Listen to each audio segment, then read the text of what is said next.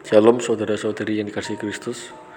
Sebelum kita mulai renungan hari ini, mari kita bersatu dalam doa. Ya Tuhan, terima kasih atas berkatmu yang sungguh melimpah sehingga Engkau telah mengaruniakan kami hidup yang luar biasa dengan penuh pernyataan. Kiranya berkati setiap kami, kami akan mendengarkan sedikit renungan, membuka hati dan telinga kami supaya kami dapat mendengarkan dan membuka hati kami agar renungan ini dapat masuk ke dalam pikiran dan hati kami supaya renungan ini juga dapat menjadi rema bagi kehidupan kami Tuhan Yesus. Inilah doa kami, haleluya, amin. Nats renungan kita hari ini terambil dari kitab Lukas pasal 6 ayat 20 sampai ke 26. Miskin tapi bahagia. Lalu Yesus memandang murid-muridnya dan berkata, Berbahagialah hai kamu yang miskin, karena kamulah yang mempunyai kerajaan Allah. Lukas 6 ayat 20. Apakah bisa orang miskin tapi bahagia? Mungkin sebagian besar orang tidak merasa bahagia ketika mereka berada dalam kemiskinan dan berada dalam keadaan kekurangan. Bagaimana mungkin mereka bisa merasa bahagia jika perut mereka lapar? Atau mungkin hanya orang kaya saja yang bisa merasakan kebahagiaan?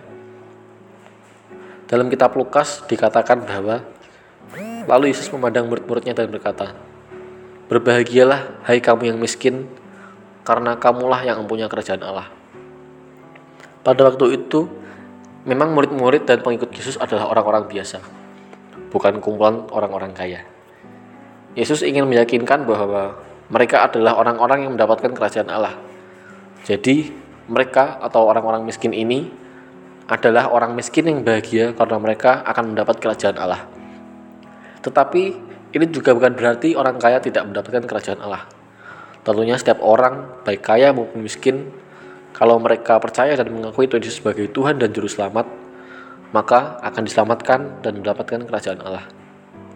Dalam Matius 16 ayat 16, Yesus berkata, Barang siapa percaya dan dibaptis, dia akan diselamatkan.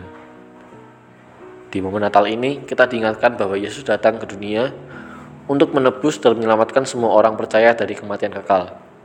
Semua orang percaya, baik kaya maupun miskin.